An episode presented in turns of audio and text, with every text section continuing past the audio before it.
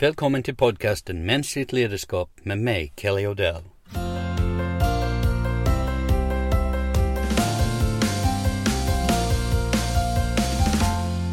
För de av er som har följt mitt eh, nyhetsbrev ett tag vet ni om att min bok Mänskligt ledarskap, 10 budord för den ofullständiga ledaren har varit ute ett tag och varit en riktig framgång.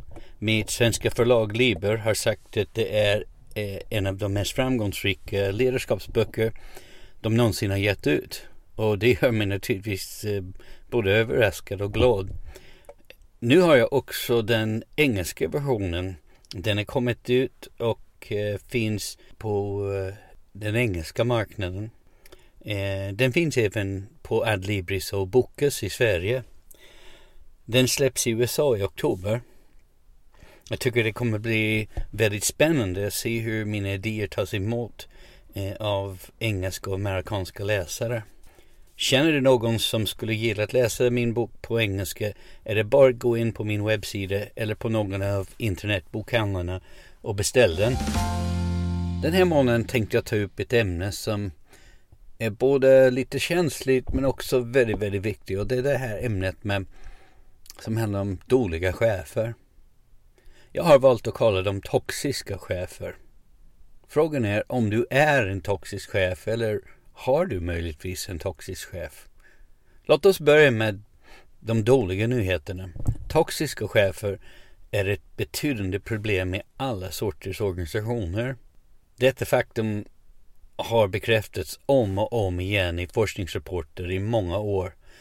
Eh, en Gallup-studie från 2012 visade att hälften av dem som sa upp sig på jobbet gjorde det för att komma ifrån en dålig chef. Detta innebär att till exempel i ett land som USA säger 12 miljoner människor upp sig varje år för att komma ifrån sina chefer. Skulle samma förhållande gälla även i Sverige skulle det betyda att närmare en halv miljon människor om året säger upp sig för att slippa sin chef. Gallup-studien visade också att bara cirka 13 procent av medarbetarna är engagerade i sitt arbete och att dåliga chefer är ett av de största orsakerna för det här låga engagemanget. Jag föredrar att använda uttrycket toxiska chefer istället för att bara säga dåliga chefer. För att påminna oss att dåliga chefer är inte bara dåliga, de är på sätt och vis giftiga. Dåliga chefer är inte bara dåliga på sina arbetsuppgifter. På grund av deras ställning i verksamheten förgiftar de hela organisationen. Eftersom chefer ska leda andra människor påverkar dåliga chefer många medarbetare. Dessa negativa effekter förorenar allt de kommer i kontakt med. Så vad är de goda nyheter? Kanske du undrar. Ja, den första biten med goda nyheter är att precis som toxiska chefer kan förgifta miljön runt omkring sig sprider goda humana chefer positiva effekter i sina organisationer.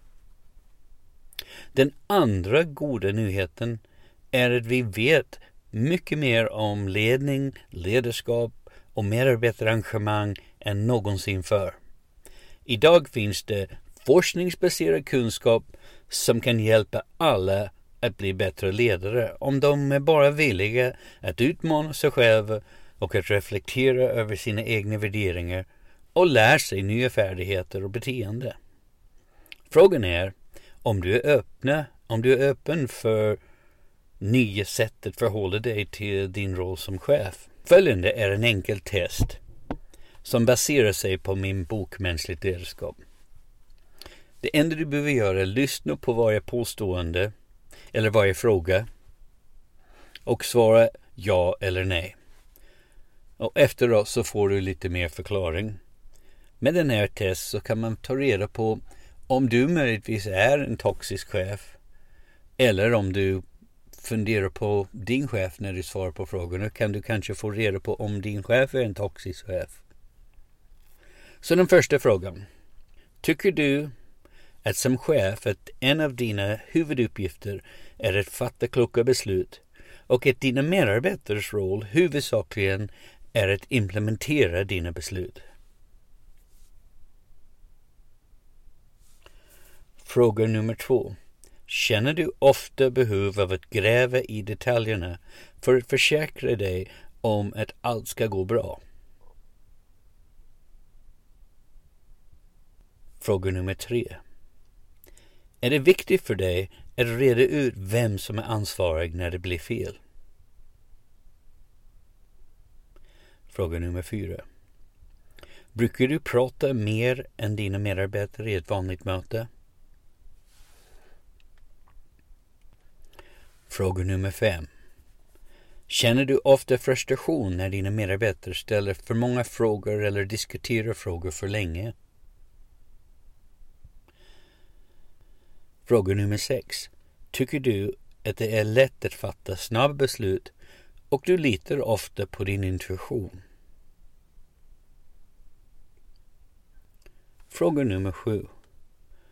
Är det viktigt som chef att se till att minska eller eliminera risker i din verksamhet så mycket som möjligt?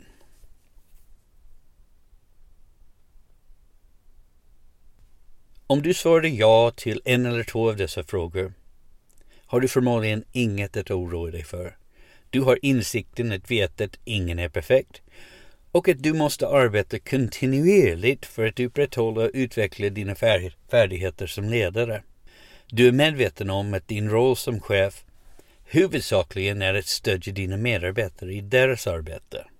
Du är också medveten om att framgång som chef mer handlar om att stödja de rätta beteenden i verksamheten än det är att exekvera olika uppgifter. Du förstår också att gott ledarskap är, är en av många viktiga kompetenser som är nödvändiga för att din verksamhet ska vara framgångsrik och att du ska primär, primärt fokusera på att skapa så goda förutsättningar som möjligt för att skapa balans mellan behoven, behoven hos de individuella medarbetarna och behoven hos verksamheten som helhet. Om du svarade ja till tre eller fler av dessa frågor kan du kanske fundera på om du behöver ompröva en del av dina uppfattningar om ledarskap. Detta innebär inte nödvändigtvis att du är en toxisk chef, men du har en viss lutning åt det hållet. Du kanske har en tendens att lägga för stort värde på att uppnå vissa mål eller uppgifter och glömmer bort det egentliga underliggande syftet med din verksamhet. Kom ihåg att ju mer involverade medarbetare är i sitt arbete, desto större engagemang och motivation kommer de att ha för sitt arbete. Och ökat engagemang och motivation leder till ökad produktivitet. Utmana dig själv att delegera mer av planeringsarbete och beslutsfattande till dina medarbetare. Delegera och lämna dem sedan i fred för att sköta sina arbeten. Undvik att lägga dig i för mycket detaljer och släpp alla försök att hitta syndabocken när saker inte går som planerat. Kom ihåg att dina medarbetare kanske inte kommer att göra saker exakt som du hade gjort dem. De kanske till och med gör dem bättre än du hade gjort dem. Om du svarade ja till de flesta av dessa frågor finns det risk att du är en toxisk chef. Men det finns fortfarande hopp. Faktum att du tog dig tid att lyssna på den här podcasten och svara på frågorna indikerar att du inte är förlorade. Många hårdkokta toxiska chefer har så lite självmedvetenhet att de inte ser behovet av att läsa en artikel om toxiska chefer. Detta är i sig kanske den största utmaningen när det gäller toxiska chefer. De begriper inte att de själva kan vara en väsentlig del av problemet. Toxiska chefer tenderar att se alla sorters problem hos sina medarbetare, med organisationen, med verksamhetens processer och mycket mer. De ser sig själva som problemlösare och har svårt att inse att de själva är en del av problemet. Om du svarar ja till många av dessa frågor är du förmodligen en person som ställer extremt höga krav på dig själv. Du kanske upplever att som chef är du ansvarig för allt. Du tror att ditt jobb är att fatta viktiga beslut och sedan se till att dessa beslut blir genomförda. Du känner ofta frustration över att få medarbetare att ställa upp eller att göra som du vill. Trots att du har så stark fokus på att uppnå resultatet är du kanske inte så framgångsrik som du skulle vilja vara. Och du har sannolikt många medarbetare som är missnöjda, både med sitt arbete och med dig som chef. Den goda nyheten är att det inte behöver fortsätta så här. Att du svarade ja på många frågorna i detta test har mer att göra med vissa saker du gör än vem du är. Med andra ord, det har mer att göra med dina beteendevanor än med din personlighet.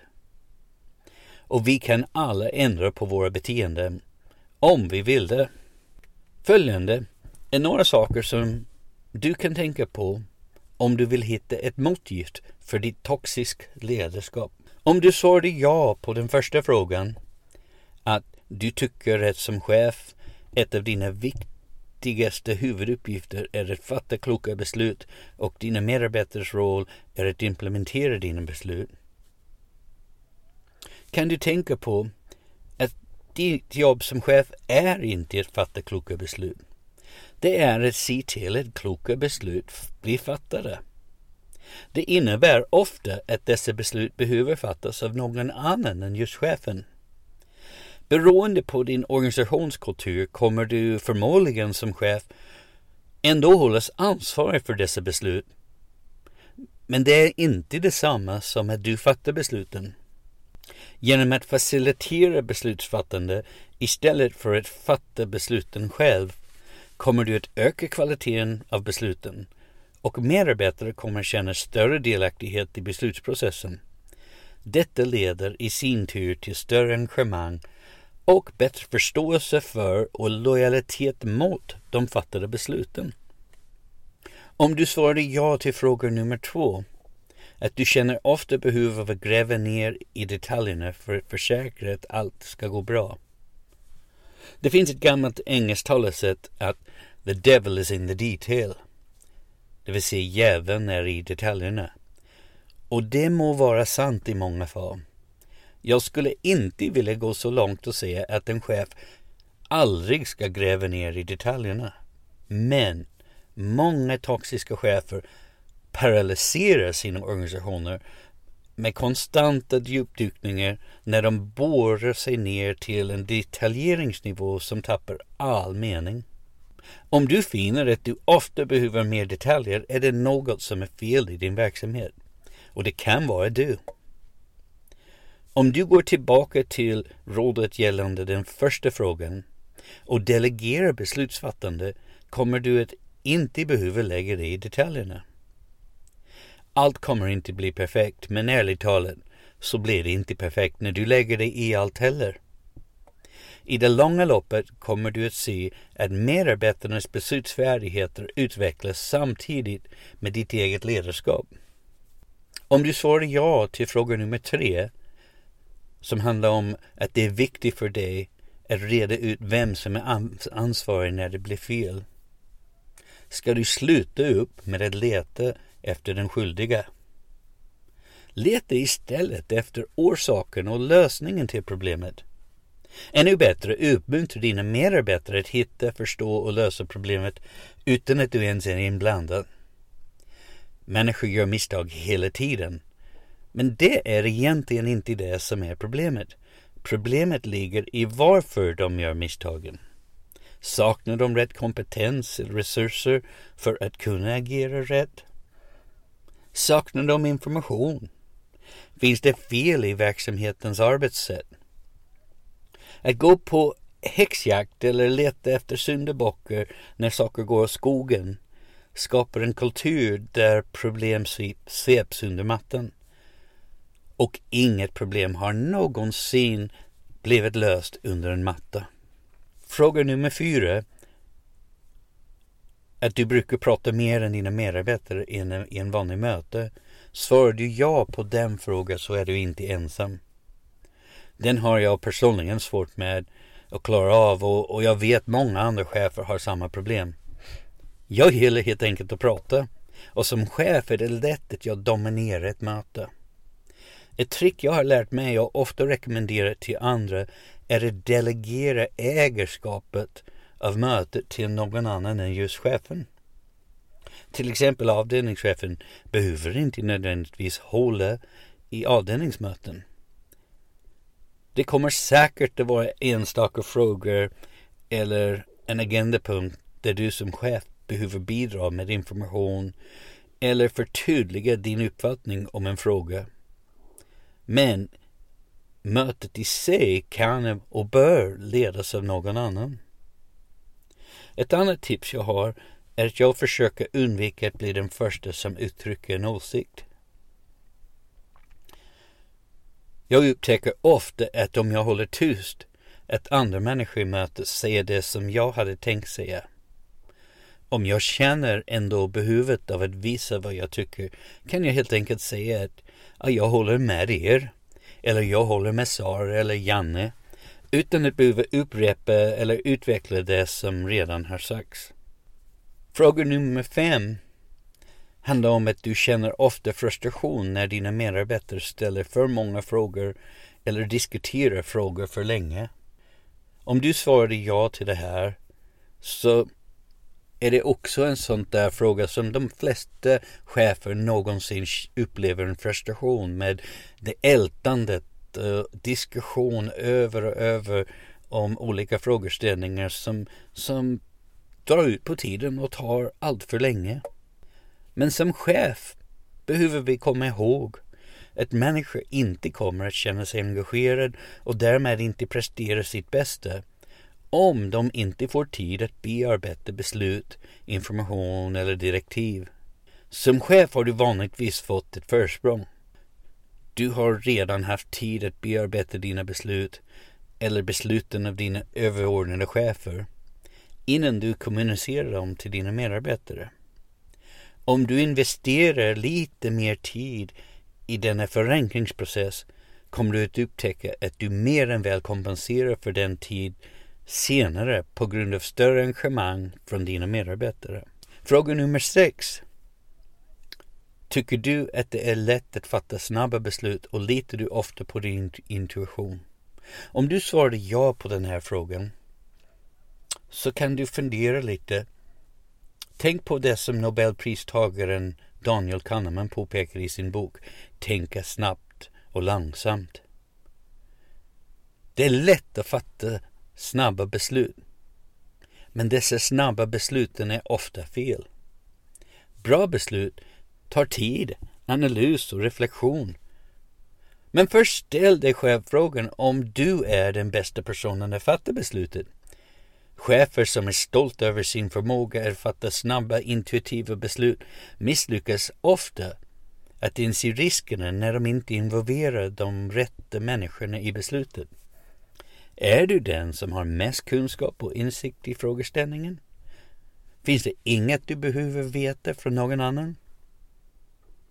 Om du trots allt kommer fram till att du är den som är bäst lämpad att fatta beslutet, kom ihåg att beslutsfattande är en intellektuell process. Ge dig själv tid att ställa rätt frågor, att analysera information och att utveckla olika scenarios och att väga dem emot varandra. Intuitiv beslutsfattare kan oavsiktligt alienera sina medarbetare. Människor känner sig överkörda och betydelselösa när deras kunskaper och uppfattningar ignoreras i beslutsprocessen. Visst måste vi ibland använda oss av vår intuition för att fylla i luckorna när vi saknar information. Men vår intuition bör inte ersätta riktiga fakta eller vara en ursäkt för att inte göra våra hemläxor. Fråga nummer sju.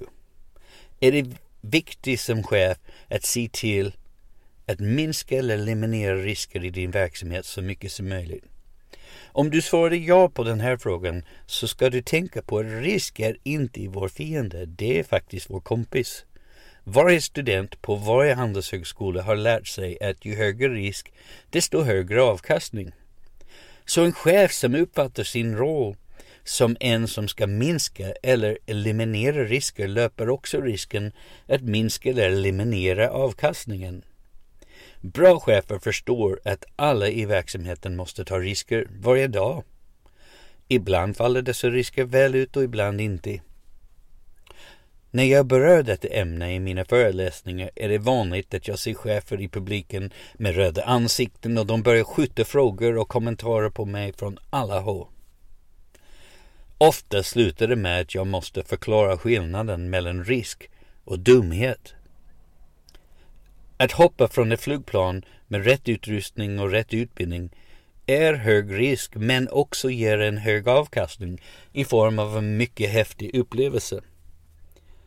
Däremot är det ingen risk med att hoppa från ett flygplan utan fallskärm eller utbildning. Det är bara dumt. En risk är när det finns en viss sannolikhet att saker går åt skogen. Om sannolikheten är nära 100% att det misslyckas är det ju ingen risk. Vi kan undvika dumhet genom att se till att våra medarbetare har rätt utbildning och rätt resurser. Men sedan måste vi lämna dem utrymme för att ta risker. Vi måste uppmuntra medarbetare att ta risker, lära från dem och ta nya risker. Och vi måste också fira våra misslyckanden. Detta är bara några vanliga problem och förslag till åtgärd när det gäller toxiska chefer. Om du är en toxisk chef, det finns hopp. Du kan ändra ditt beteende. Om du har en toxisk, toxisk chef är prognosen något sämre. Eftersom chefen först måste komma till sin egen insikt om att de är problemet. Det är svårt för en anställd att skapa denna medvetenhet hos chefen. Men du har alltid val. Du kan gilla läget. Du kan ändra miljön. Du kan byta miljö. Det är alltid ditt fria val att stå ut med saker som de är. Men du kan också alltid försöka förändra situationen. Prata med din toxiska chef. Försök att få chefen att förstå hur deras beteende påverkar dig. Slutligen, om du inte vill gilla läget eller inte kan eller vill få chefen att ändra på sitt beteende är det bara att byta chef. Nu kommer jag till månadens bok. När jag har valt att ägna hela månadens nyhetsbrev åt toxiska chefer är det kanske lämpligt att jag rekommenderar en bok som handlar om en riktigt duktig ledare. Boken heter Team of Rivals, The Political Genius of Abraham Lincoln av Doris Cairns Goodwin. Det har skrivits många böcker om Abraham Lincoln och jag har läst många av dem. Men ingen av dem fångar utmaningar som konfronterade, som konfronterade Lincoln lika bra som Team of Rivals. Boken ger en god insikt i Lincoln som man och som ledare, i både med, medvind och motvind. Och jag imponeras av hans lyhördhet, prestigelöshet och visdom om och om igen. Det är nämligen så att i somras har jag läst boken för tredje gången och det lär bli flera gånger. Månadens artikel Four Types of Toxic Bosses and How to Handle Them. Denna kort artikel i Forbes-tidningen ger oss lättsamma Eh, men insiktsfulla tips och idéer på hur vi ska kunna känna igen och hantera toxiska chefer. Gå gärna in på eh, eh, min webbsida för att hitta länken till den här artikeln. Och månadens utbildning. För er som vill ta nästa steg i din ledarskapsutveckling vill jag vara så fräck att rekommendera min egen kurs som är döpt efter min bok. Kursen heter just mänskligt ledarskap.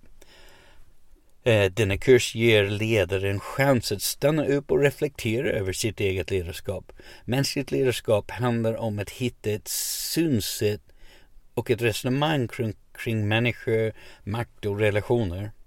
Och många traditionella ledarskapsutbildningar ger enkla svar på vad man ska tänka och göra. Och oftast är det som lärs ut klokt och rätt.